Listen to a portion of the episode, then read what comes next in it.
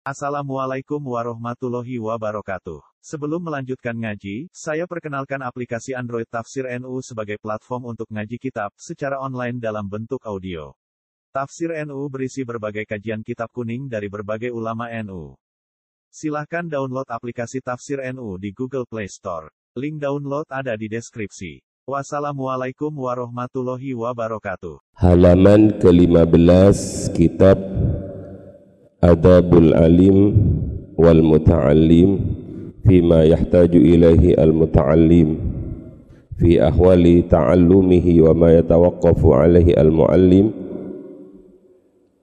Halaman ke-15 ya. Bismillahirrahmanirrahim. Bahashim Ash'ari nukil satu hadis dialog tentang Riyadul Jannah taman sorga yang berada di muka bumi. Qala wa qala lan dawuh sapa Kanjeng Nabi Muhammad sallallahu alaihi wasallam. Idza ra'aitum Idza ra'aitum nalaikani ningali sira Riyadul jannati ing piro-piro taman sorga? Riyadul jannati ing piro-piro taman sorga? Farta'u. Mungko mungko apa ya? Angono siro ya datanglah ke taman itu seperti orang-orang yang mendatangi taman tempat rekreasi atau kebun-kebun tempat mereka memetik buah atau lahan-lahan mereka mengembalakan kambingnya. Tapi ini adalah kebun sorga. Biasanya sorganya itu indah kebunnya lebih indah. Untuk memperindah rumah biasanya orang itu membuat taman. Masa taman ke api taman itu pasti api sehingga api kan taman nih tamani al-fatah ya jadi tamani al-amana karena gak diramut. Taman. Idza raaitum riyadhal jannah farta'u faqila mungkodin faqila mungko dikatakan bintang letake ya Rasulullah wahai Rasulullah wa ma riyadul jannah? Wa ma iku nopo riyadul jannati utawi pertamanan sorga. Qala jawab sopo baginda Rasulullah halakul zikri halakul zikri iku halakoh zikir garis miring ilmu. Nanti abah jelaskan. Halakoh zikir atau halakoh ilmu.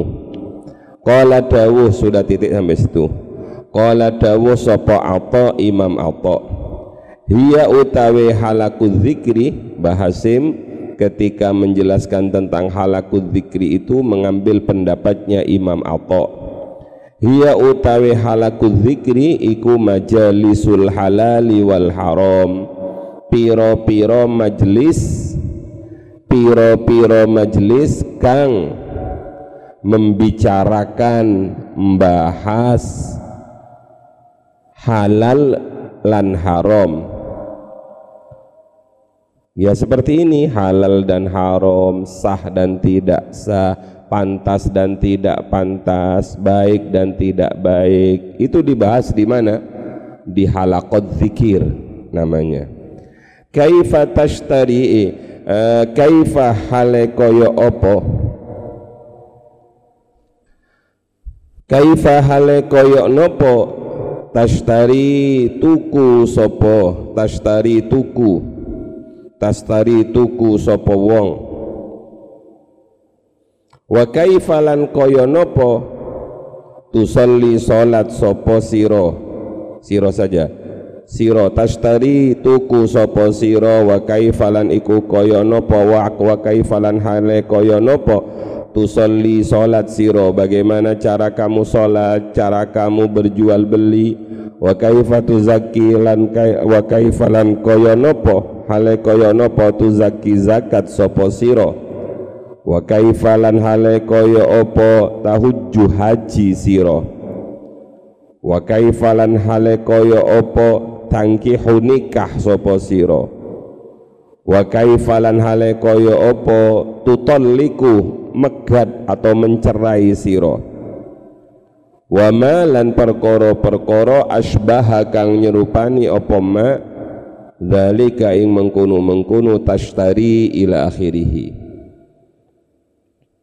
Cukup dibaca satu kemudian kita jelaskan. Bismillahirrahmanirrahim. Pagi ini kita membahas tentang Riyadul Jannah. Kanjeng Nabi dawuh apabila kamu melihat taman-taman sorga maka datangilah taman-taman itu Bahasa kanjeng Nabi itu pakai taman karena taman itu biasanya sejuk, menyenangkan, menenangkan. Maka orang pasti tertarik ingin datang ke taman itu. Naluri manusia ingin melihat yang indah-indah, menghirup udara yang segar-segar. Maka disebutlah riyadul jannah. Para sahabat ingin memperjelas bukan berarti sahabat itu enggak paham. Pasti paham sahabat itu. Tapi dialog ini agar bisa dipahami oleh kita yang hidupnya jauh di belakang Rasulullah. Maka mereka bertanya, "Kila ya Rasulullah wa mariyadul jannah?" Nopo niku riyadul jannah? Apakah niku riyadul jannah ya Rasul? Qala Kanjeng Nabi menjawab, halaku zikri halakoh-halakoh kumpulan-kumpulan kalangan-kalangan yang di dalamnya ada zikir. Yang di dalamnya ada ilmu. Saya teruskan dulu. Halakoh zikir. Lah ini kan zikir bukan taklim maka Imam Bahashim Asyari menulis menukil dawuhnya Imam Atta yang dimaksud halaku zikri itu adalah majalisul halal wal haram. Majlis-majlis yang di dalamnya membahas tentang ilmu halal dan haram. Ilmu syariat. Ilmu yang membahas tentang sah tidak sah. Ilmu yang membahas tentang akidah keimanan ilmu yang membahas tentang bagaimana cara membersihkan hati yang disebut ilmu tasawuf.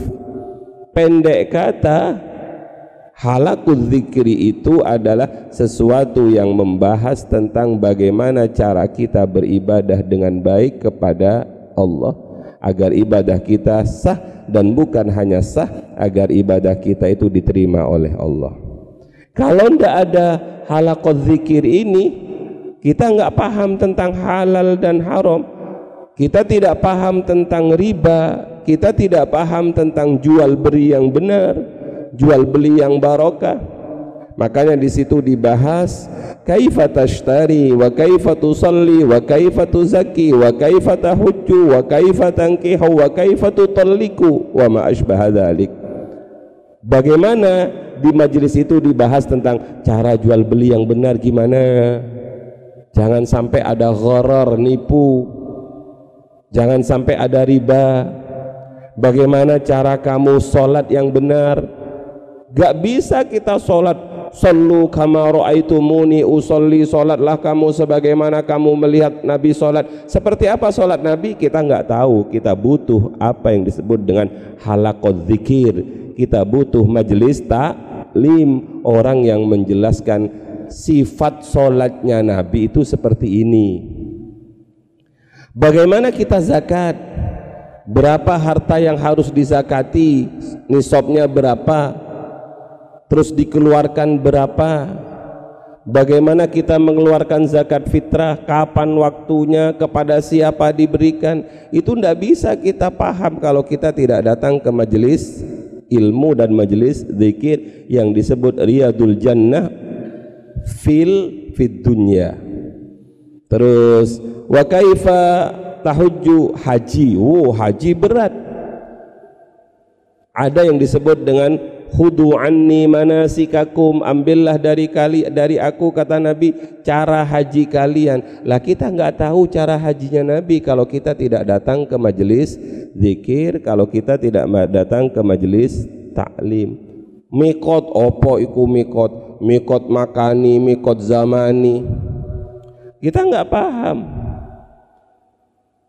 ah datanglah ke majelis taklim datanglah ke majelis zikir. Di situ akan dibahas bagaimana haji yang benar, bagaimana agar haji kita sah, bagaimana agar haji kita diterima, bagaimana agar haji kita menjadi haji yang mabrur. Bagaimana kita menikah? Wah, ini penting. Bagaimana caranya menikah? ya datang ke majelis zikir biar diterangkan. Memulailah dari uh, mencari mencari calon istri. Istri itu seperti apa? Tungkahul mar'atu li arba'in dan seterusnya. Ada empat kriteria istri dan seterusnya. Bagaimana akadnya? Siapa saja yang menjadi datang di majelis akad ada wali ada dua saksi ada calon mempelai pria, ada wali, ada mahar, dan hal-hal yang lain. Bahkan bagaimana cara mencerai? Kalau nggak dipahami, kalau nggak ngaji, bahaya. Emosi ngomong pada istrinya, saya cerai kau. Jatuh cerainya. Eh malam-malam kumpul. Nah itu namanya zina tanpa terasa. Kenapa? Karena nggak tahu ngaji. Begitu tahu bahwa itu cerai, menyesal. Ah, untungnya ada datang ke majelis zikir, datang ke majelis taklim, wa ma asbahadalik dan selainnya masih banyak yang belum dibahas. Inilah yang disebut dengan majelis zikir, majelis taklim yang dalam bahasa Kanjeng Nabi disebut riyadul jannah Riyadul Jannah di dalam di di dunia. Saya sampaikan tadi. Riyadul Jannah itu bisa disebut majelis zikir, bisa disebut majelis ilmu, termasuk zikir itu adalah majelis solawat. Dalilnya Al-Quran dawuh fas'alu ahlal zikri in kuntum la ta'lamun fas'alu ahlal zikri in kuntum la ta'lamun ini seharusnya kalau melihat kurang pas. Kalau melihat otak kita yang bodoh itu fas'alu ahlal ilmi in kuntum la ta'lamun.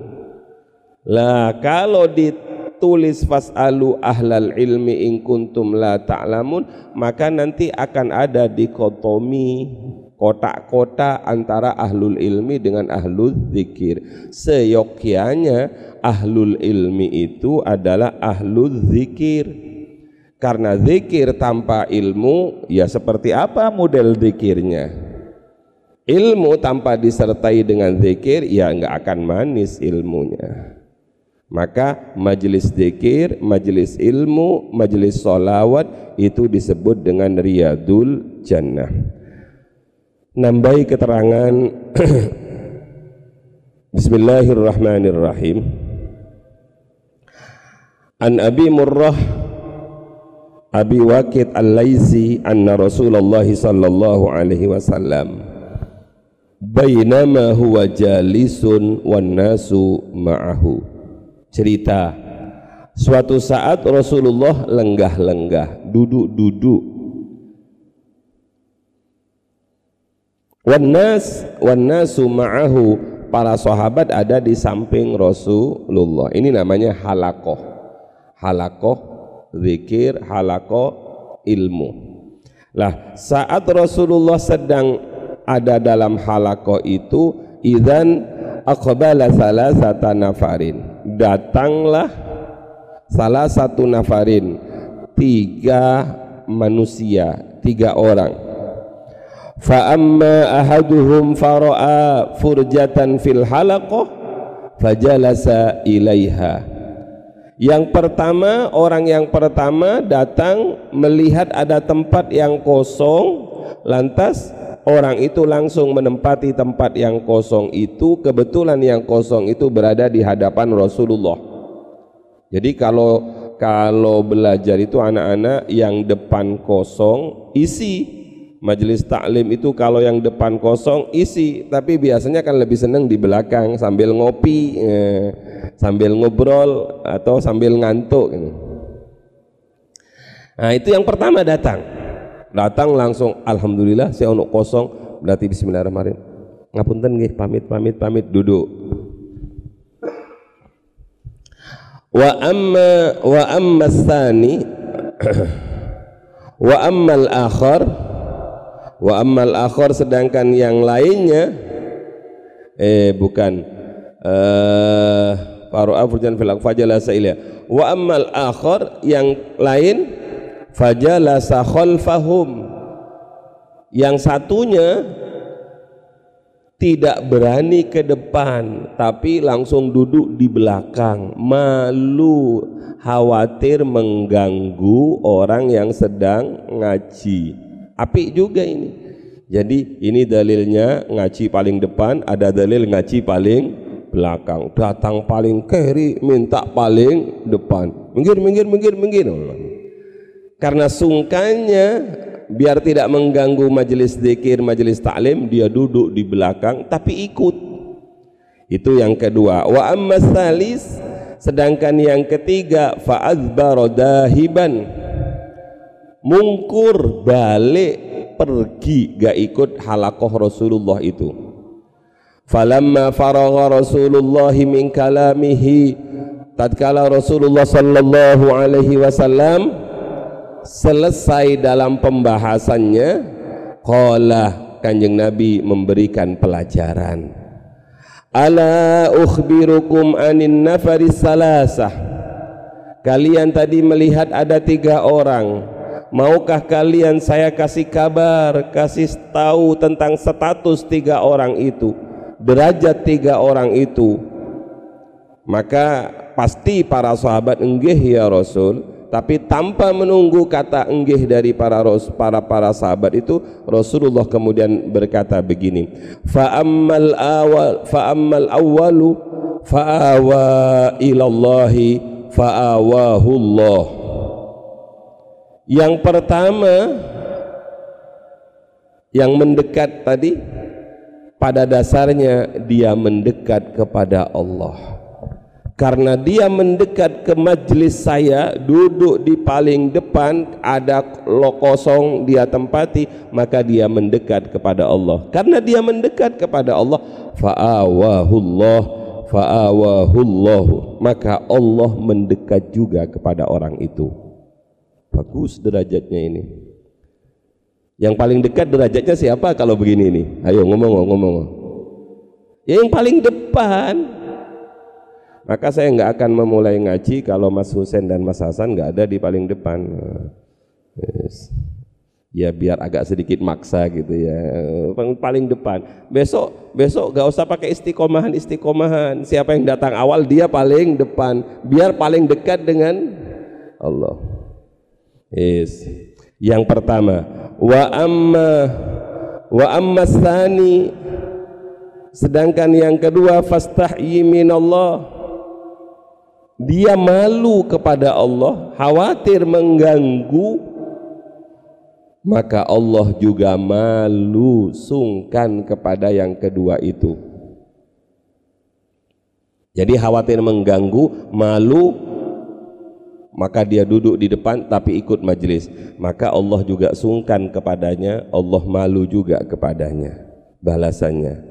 Sedangkan yang terakhir anak-anakku naudzubillah wal billah uh, fastahya minallahi ayyudiyan nas dia malu untuk me, kepada Allah khawatir mengganggu manusia fastahyallahu minhu maka Allah juga malu kepadanya. Itu yang kedua Wa amma salisu adapun yang ketiga fa'arada dia berpaling.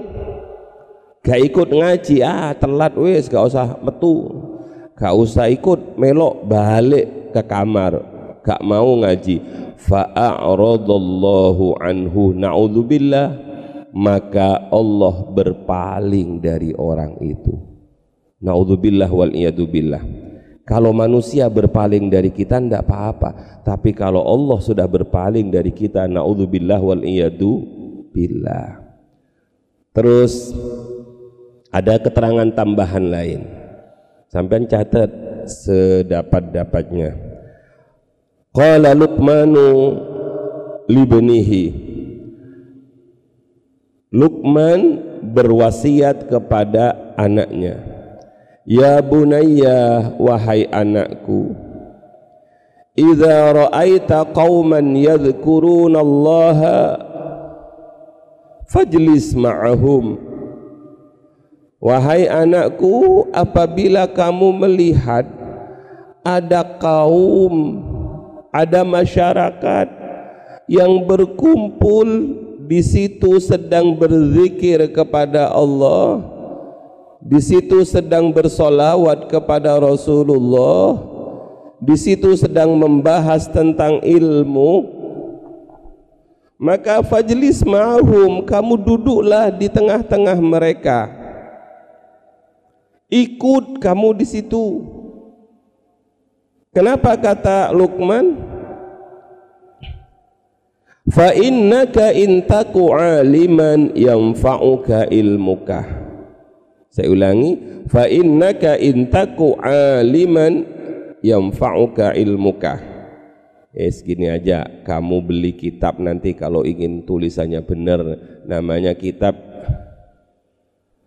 Tambihul Ghafilin. Kitab Tambihul Ghafilin halaman 150 tulis 158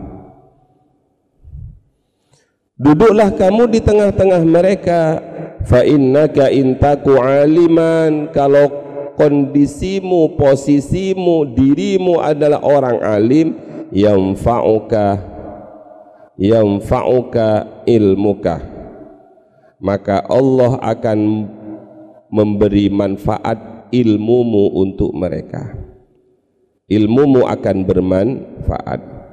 Tapi wa intaku jahilan anakku kalau kamu bodoh tapi kamu masuk ke majelis zikir masuk ke majelis taklim maka allamuka mereka akan mengajari kamu kita belajar dari majelis itu Terus itu yang satu untuk urusan ilmu. Kalau kamu pinter maka kepinteranmu itu akan bermanfaat untukmu. Tapi kalau kamu bodoh, kamu akan mengambil ilmu dari majelis zikir itu, dari majelis ta'lim itu. Ini yang penting juga. Wala'allallahu yatla'u alaihim birahmatihi fatusibaka ma'ahum. Kalau Allah menawa-menawa Allah memandang mereka dengan pandangan kasih sayang maka kamu termasuk dapat pandangan kasih sayang itu jadi kalau Allah memandang majlis zikir, majlis taklim, apalagi dalam di majlis zikir, majlis taklim itu ada ahlul bait, keluarganya Rasulullah, para habaib, para syarifah, di situ ada warasatul anbiya, pewarisnya para nabi siapa itu? Al ulama. Di situ ada wali-wali yang mastur karena setiap 40 orang itu ada satu wali.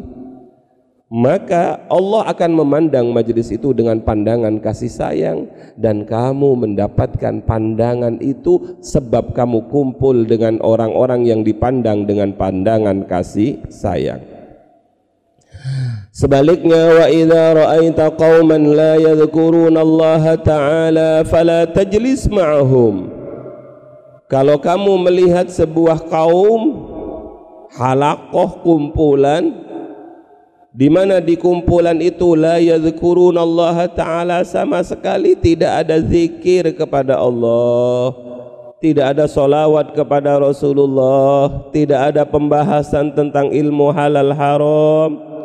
Fala tajlis ma'ahum nak. Kamu jangan duduk-duduk ya dengan mereka. Kau usah nimbrung di majlis itu. Kenapa? Kamu jangan nimbrung di situ fa innaka intaku aliman lam yanfa'uka ilmuka. Kalau posisimu itu bukan orang pinter eh kalau posisimu itu orang pinter maka ilmumu nggak akan bermanfaat untuk majelis yang tidak ada zikir itu. Sia-sia tidak ada manfaatnya ilmumu. Itu kalau kamu pinter sekalipun tapi wa intaku jahilan kalau kamu ini orang bodoh nak yazidka ghayyan. Maka kamu tambah sesat. Sudah bodoh gak punya ilmu kumpul dengan majelis yang di situ tidak dibahas ilmu. Tambah jauh kamu dari Allah kalau duduk di situ dan yang penting lagi nak wala'allallahu yatla'u alaihim bisukhtihi. Kalau Allah memandang pada kumpulan orang itu kumpulan majelis yang tidak ada zikir, tidak ada ilmu itu bisukhtihi dengan pandangan murkanya Allah fayusibah fayusibuka ma'ahum. Maka kamu ikut dalam pandangan bendunya Allah itu Paham ya nak? Paham ya? Dekatlah dengan majelis zikir, jauhilah dengan majelis hura hura. Kalau Allah menurunkan adab, maka kamu kena di situ. Kalau kamu kalau Allah menurunkan murka, kamu kena di situ. Karena apa? Karena kita berkumpul dengan orang yang hura-hura, tidak ada ingat Allah, tidak ada ingat Rasulullah. Bismillahirrahmanirrahim. Eh, terakhir. Terakhir tentang tentang apa itu riyadul jannah. Inna lillahi ta'ala jannah fid dunya. Ba'dul hukama dawuh inna lillahi ta'ala jannatun fid dunya. Sesungguhnya Allah punya sorga yang ada di bumi.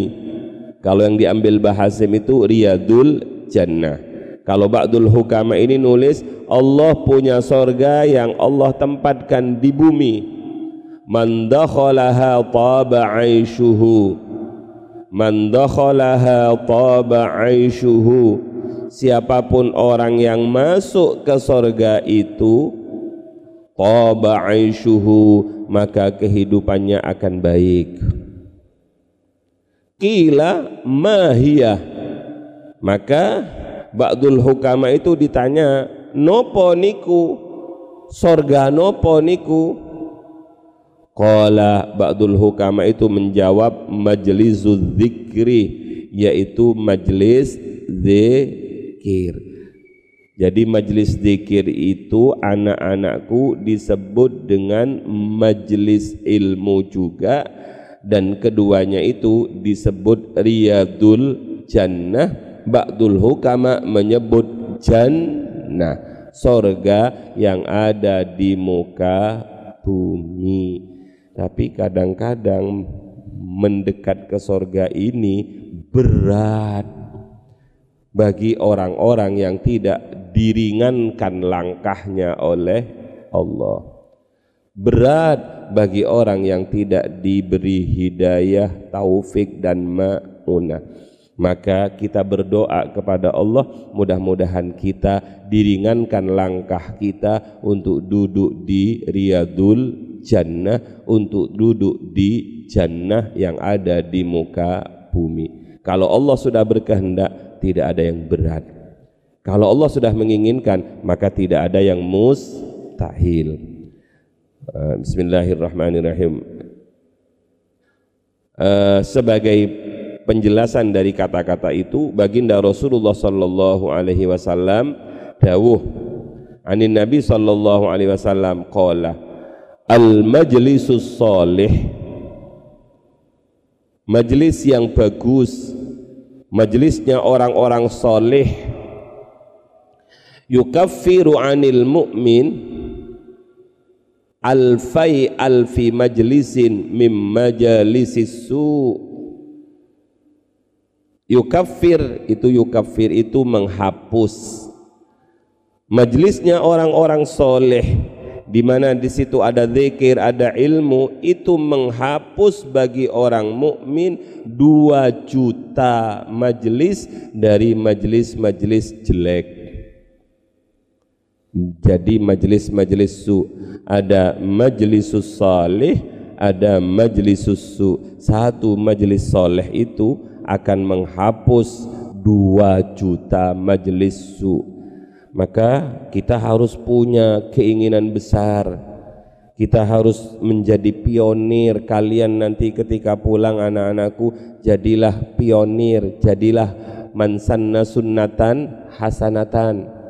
Di rumahmu di kampungmu tidak ada dibaan. Kamu buat majelis dibaan tidak ada manakipan kamu buat majelis manakipan tidak apa-apa anggotanya tiga orang tukang baca satu, tukang mendengarkan satu. Enggak apa-apa, ngawali tiga orang. Ada yasin tahlil belum ada, kamu buat yasin tahlil. Sekalipun hanya lima orang. Enggak ada pengajian, kamu buat pengajian di suraumu. Kecil-kecilan enggak apa-apa, kamu baca Arba'in Nawawi. Kenapa? Bukan sok-sok alim, bukan. Bukan sok-sok enggak tapi biar ada yang disebut dengan majlisus soleh di mana majlisus soleh itu akan menghapus dua juta majelis su. Kalau majelis su itu kamu nggak usah mendirikan sudah berdiri sejak zaman dahulu itu. Majelis-majelis ngene-ngene sudah. Kamu nggak usah. Biar berjuangmu dengan majelis so soleh buat kajian-kajian, ngumpulkan anak-anak kecil, diajari Fatihah di rumahnya. Maka bagi santri itu tidak ada yang pengangguran karena lapangan untuk berjuang itu sangat besar dan itu adalah butuh keistiqomahan, butuh keberanian. Cukup tentang Riyadul Jannah. Wa qala sallallahu alaihi wasallam wa qala lan dawu sapa kanjeng Nabi Muhammad sallallahu alaihi wasallam. Ta'allamu al-ilma wa'malu bihi. Ta'allamu belajarlah sira kabeh. Al-ilma ing ilmu.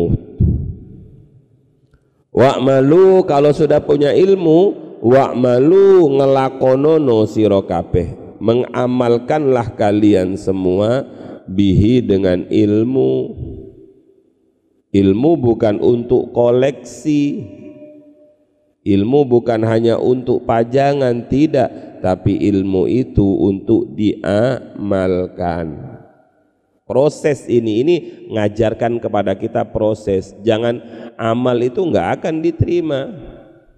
Mardudah amal seseorang itu tanpa didasari dengan ilmu. Maka belajar sih setelah dapat ilmu, baru kamu amalkan ilmu itu. Sebab kalau mengamalkan sesuatu tanpa dasar ilmu, amal itu tidak akan diterima. Banyak kisah-kisahnya ini. Wa qala sallallahu alaihi wasallam ini yang terakhir. Wa qala lan dawuh sapa sallallahu alaihi wasallam Kanjeng Nabi Muhammad sallallahu alaihi wasallam. Yuzanu yuzanu din timbang. Yuzanu din timbang. Yaumal qiyamati ing dalam tino kiamat.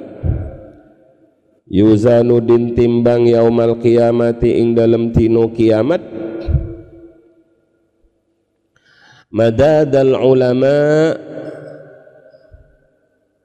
madadal ulama ing mangsinya tintanya piro-piro wong alim.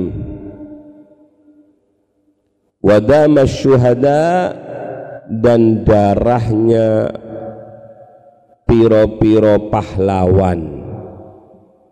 Wong kang mati syahid.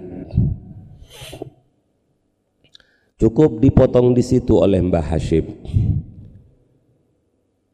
tapi dalam riwayat yang panjang sebagaimana ada di kitab Bukhari itu idza kana yaumul qiyamah idza kana yaumul qiyamah yuzanu midadul ulama bidammi syuhada.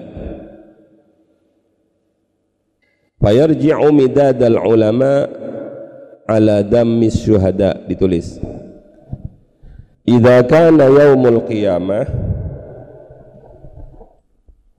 yuzanu midadul ulama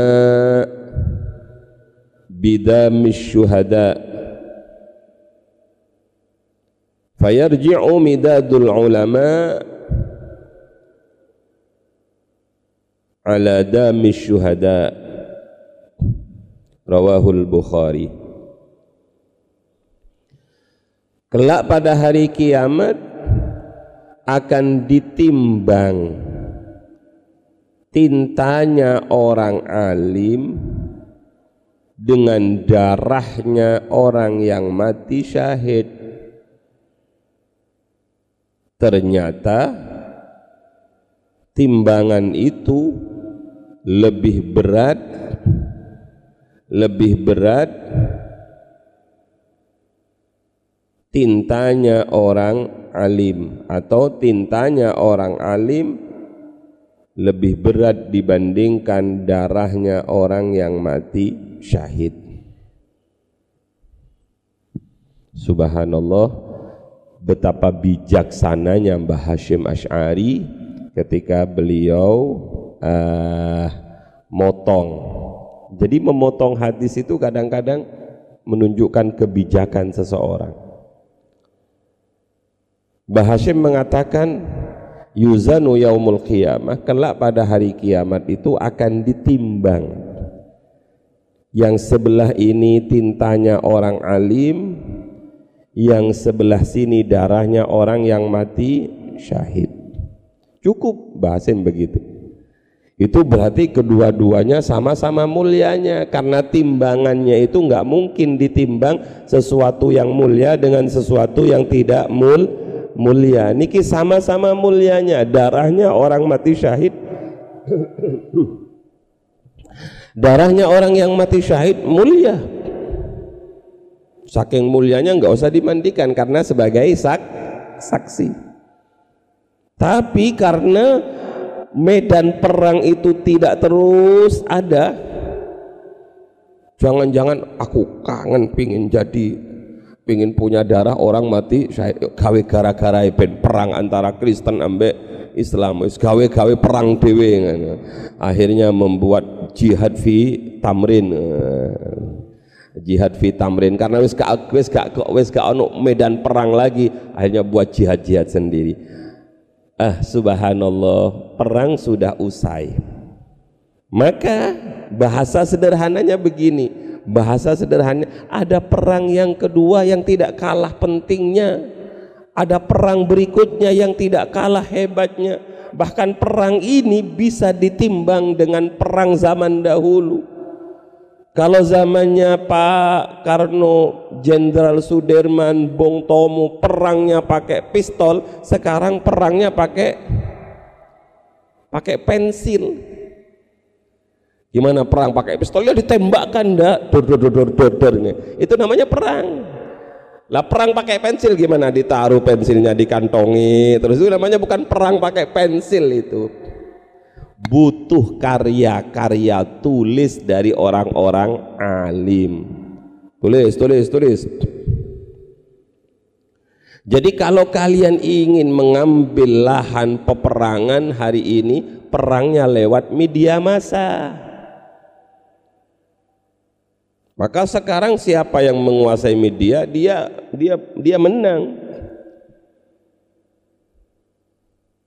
Ah, yang kedua, ulama-ulama terdahulu yang tidak berperang itu seperti Asyikh Ibnu Athaillah As-Sakan dari Hujjatul Islam Abu Hamid Muhammad bin Muhammad Al-Ghazali.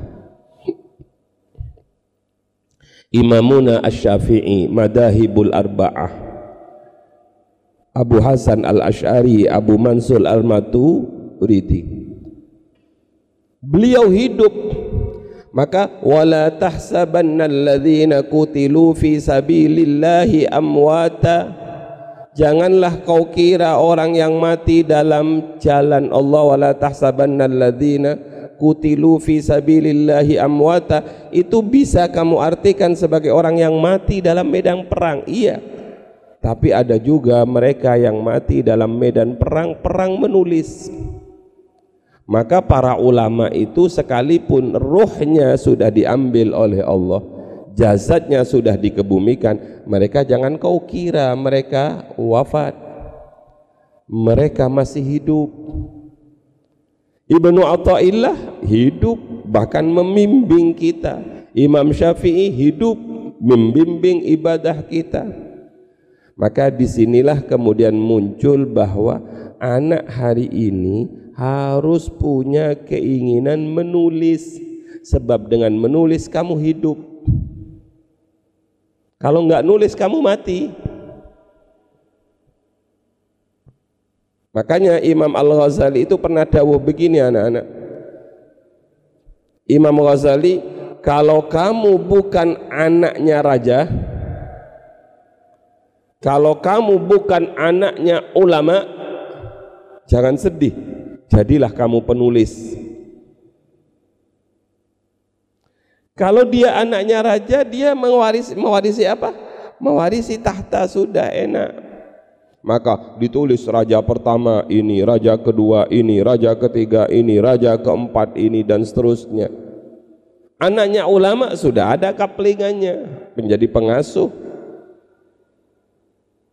Anaknya orang alim biasanya nasabnya disebut-sebut ini bin ini bin ini bin ini bin ini.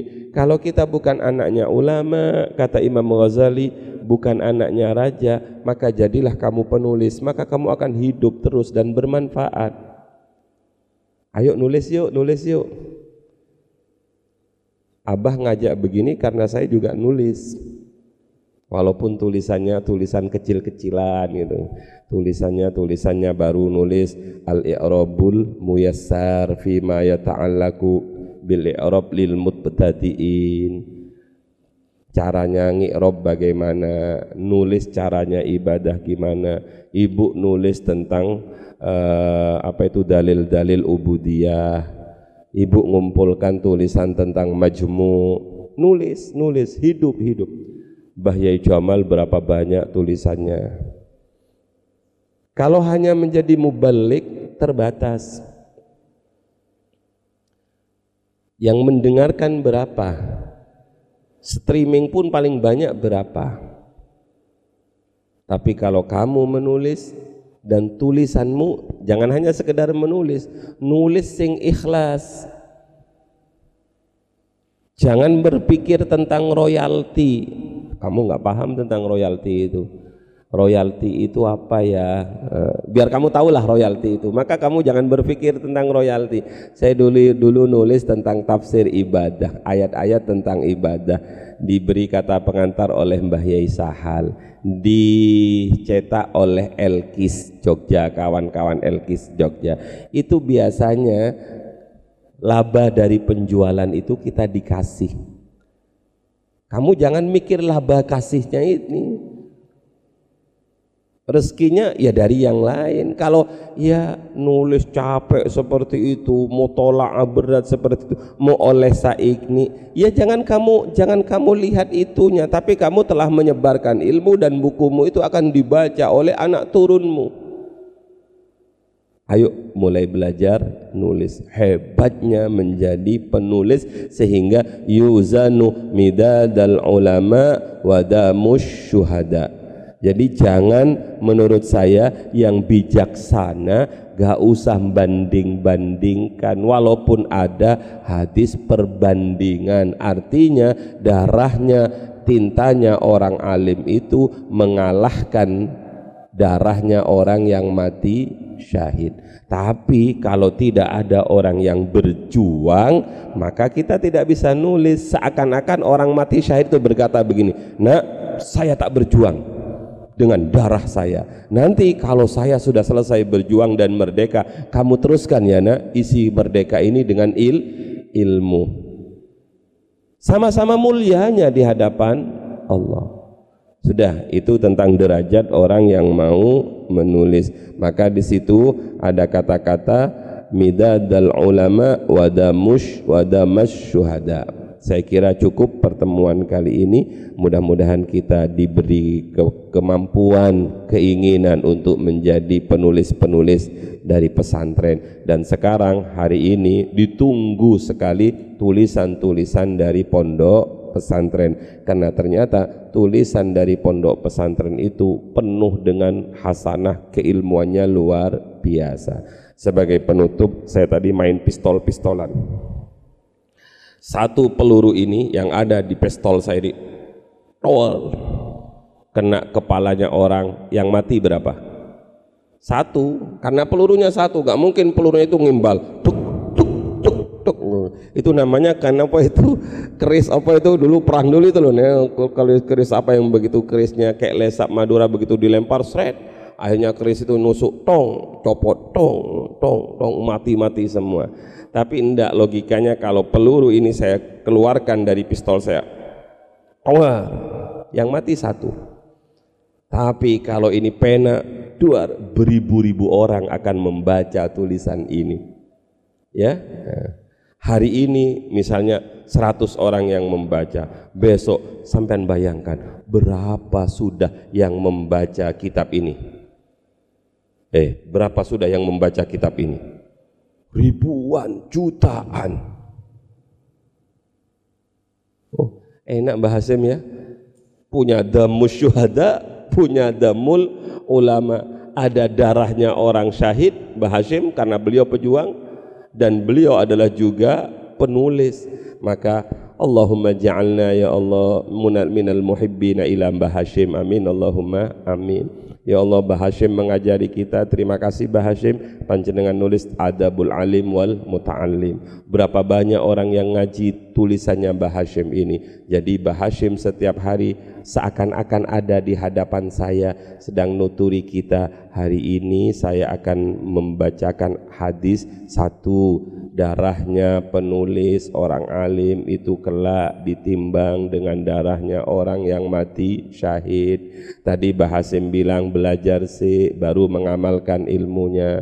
Tadi di awal Bahasim nulis bahwa ada taman di ada taman sorga di muka bumi. Apa itu? Halakoh zikir halakoh majlis taklim itu sekalipun Mbah Hashim sudah wafat tapi beliau masih nuturi kita masih nasehati kita sehingga mulianya orang alim yang mau menu menulis. Tapi tulisannya nggak bagus-bagus. Ya mana mungkin langsung bagus sesuatu itu? Pasti pasti nggak bagus nggak bagus dulu oleh anak-anak yang belajar masak di rumah itu wah kadang-kadang wasinnya luar biasa. Uh, bagaimana masakan anak-anak itu? Ya biasa nggak enak awal-awal itu. Tapi suatu saat karena kulino akhirnya menjadi eh enak. Jangan takut gagal dalam menulis tapi takutlah apabila tidak punya keinginan untuk menu menulis. Semoga bermanfaat